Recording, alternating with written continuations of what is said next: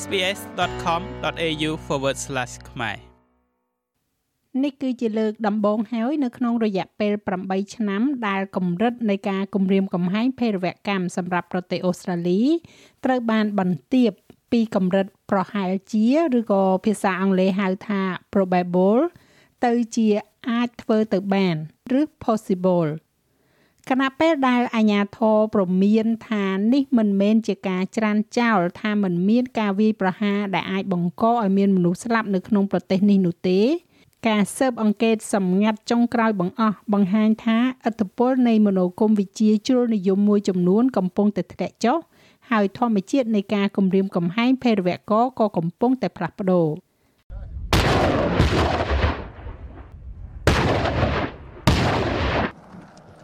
ការកើនឡើងនៃក្រុមជ្រុលនិយមរដ្ឋអ៊ីស្លាមឬយើងហៅថា IS នៅក្នុងប្រទេសសេរីនិងអ៊ីរ៉ាក់បានបង្កើននៅហានិភ័យនៃអំពើភេរវកម្មនៅក្នុងប្រទេសអូស្ត្រាលី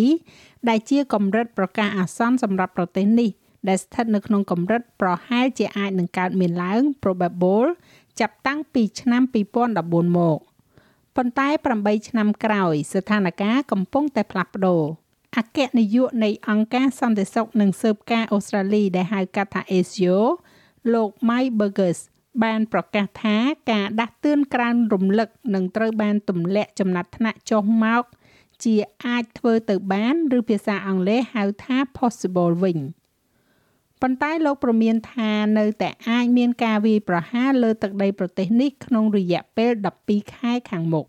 While Australia remains a potential terrorist target ខណៈពេលដែលប្រទេសអូស្ត្រាលីនៅតែជាគោលដៅភេរវករដ៏មានសក្តានុពលមួយ មានពួកជលនិយមតិចជាងមុន ដែលមានបំណងធ្វើការវាយប្រហារនៅក្នុងប្រទេសជាងការដែលយើងបានបង្កើនកម្រិតការគម្រាមកំហែងនៅក្នុងឆ្នាំ2014នេះមិនមែនមានន័យថាការគម្រាមកំហែងត្រូវបានពន្លត់នោះទេ គឺវានៅឆ្ងាយពីនេះ possible ឬក៏អាចធ្វើទៅបាន មិនមែនមានន័យថាធ្វេសប្រហែសនោះទេប៉ុន្តែលោក Burgess បញ្ជាក់ជាថ្មីថាអូស្ត្រាលីមិនមានគោលបំណងណាមួយនៅក្នុងការបន្ធូរបន្ថយសន្តិសុខឡើយ ASIO is still investigating and tracking Australians who ASIO គឺនៅតែស៊ើបអង្កេតនិងតាមដានជនជាតិអូស្ត្រាលីដែលប្រកាន់យកជំនឿជ្រុលនិយមដោយហិង្សាបុគ្គលដែលនៅតែស្រមើស្រមៃអំពីការសម្លាប់ជនជាតិអូស្ត្រាលីដទៃទៀតនៅតែបញ្ចេញនៅមនោគមវិជ្ជាស្អប់ខ្ពើមរបស់ពួកគេនៅក្នុងបន្ទប់ពិភាក្សា នៅតែគោរពសមត្ថភាពរបស់ពួកគេដោយការស្រាវជ្រាវបង្កើតគ្រាប់បែកនិងការវឹកហាត់ដោយអាវុធបើគិតឲ្យម៉ត់ចត់ទៅមានមនុស្សបែបនេះតិចជាងកាលពីមុនហើយក្នុងចំណោមនោះមានពួកគេតិចជាងមុនដែលទំនងជានឹងធ្វើការវាយប្រហារពិតប្រាកដនៅក្នុងប្រទេសអូស្ត្រាលីយោងទៅតាមរដ្ឋមន្ត្រីក្រសួងមហាផ្ទៃលោកស្រី Claire O'Neil ឥឡូវនេះការផ្ដោតអារម្មណ៍បានផ្លាស់ប្ដូរទៅខាងអ្នកដែលធ្វើឡើងតែឯងឯង ជាមួយនឹងវិធីសាស្ត្រដែលមិនសូវជាស៊ីជម្រៅប៉ុន្មាននោះទេ part of the trend here is a shift to lower technology types ផ្នែកមួយនៃនិន្នាការនៅទីនេះគឺការផ្លាស់ប្ដូរទៅលើប្រភេទនៃការវាយប្រហារដែលមានបច្ចេកទេសទាបជាងមុនដូច្នេះកាលពីឆ្នាំ2014យើងបានឃើញការរៀបចំនៅធនធាននិងផែនការដ៏ស៊ីជម្រៅដែលបានរួមបញ្ចូលគ្នានៅក្នុងការវាយប្រហារតែមួយ លោកអគ្គនាយកបាននិយាយអំពីអ្វីដែលសប្តាហ៍ថ្ងៃនេះយើងអាចមើលឃើញជាទូទៅច្រើនជាងមុនដែលជាពពួកមនុស្សដែលព្យាយាមប្រើអំពើហិង្សាដោយកំបិតឬក៏រថយន្តជាអ្វីដែលអ្នកអាចមាននៅក្នុងជីវិតប្រចាំថ្ងៃរបស់អ្នកមន្ត្រីស៊ើបអង្កេតក៏កំពុងតែតាមដានសកម្មភាពជ្រុលនិយមដែលប្រើអំពើហិង្សាដោយសារតែជាតិនិយមនិងប្រកាន់ពូជសាសន៍ផងដែរហើយលោកស្រីរដ្ឋមន្ត្រី Claire O'Neil និយាយថាប្រវត្តិរូបរបស់ជនល្មើសទាំងនេះ គឺកាន់តែក្មេងទៅក្មេងទៅ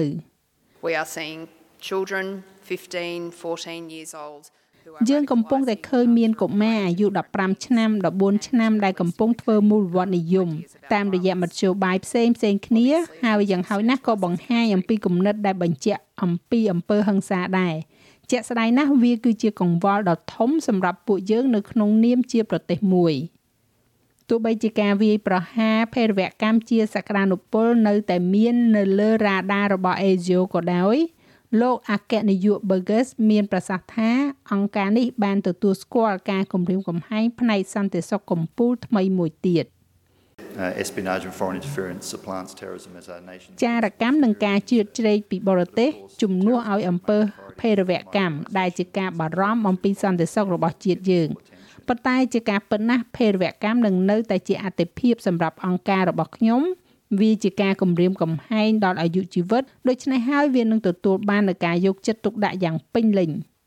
នៅក្នុងការបន្ទាបកម្រិតការគម្រាមកំហែងនេះផងដែរអាញាធរបានគិតគូរដល់ការធ្វើមាតុភូមិនិវត្តរបស់ស្ត្រីនិងកុមារអូស្ត្រាលីពីជំរំសេរីកាលពីពេលថ្មីៗនេះពួកគេបានធ្វើដំណើរទៅទីនោះជាមួយនឹងក្រុមយុទ្ធជន IS ហើយស្ថិតនៅក្រោមការស៊ើបអង្កេតយ៉ាងម៉ត់ចត់ក្នុងប្រទេសសេរីមុននឹងត្រូវបានអនុញ្ញាតឲ្យវិលត្រឡប់មកផ្ទះវិញលោកនាយករដ្ឋមន្ត្រី Anthony Albanese និយាយថាលោកគ្រប់គ្រងយ៉ាងពេញទំហឹងចំពោះការសម្រេចចិត្តរបស់ ASIO I have absolute confidence in our security. ខ្ញុំមានទំនុកចិត្តយ៉ាងមុតមមទៅលើភ្នាក់ងារសន្តិសុខរបស់យើងខ្ញុំនឹងមិនធ្វើការស្មានមកលើពួកគេនោះទេ ហើយខ្ញុំនឹងមិនធ្វើអត្ថាធិប្បាយជំនួសពួកគេឡើយ ចាប់តាំងពីការដំឡើងកម្រិតនៃការគម្រាមកំហែងឲ្យឡើងដល់កម្រិតដែលអាចកើតមានឬក៏ probable នៅក្នុងឆ្នាំ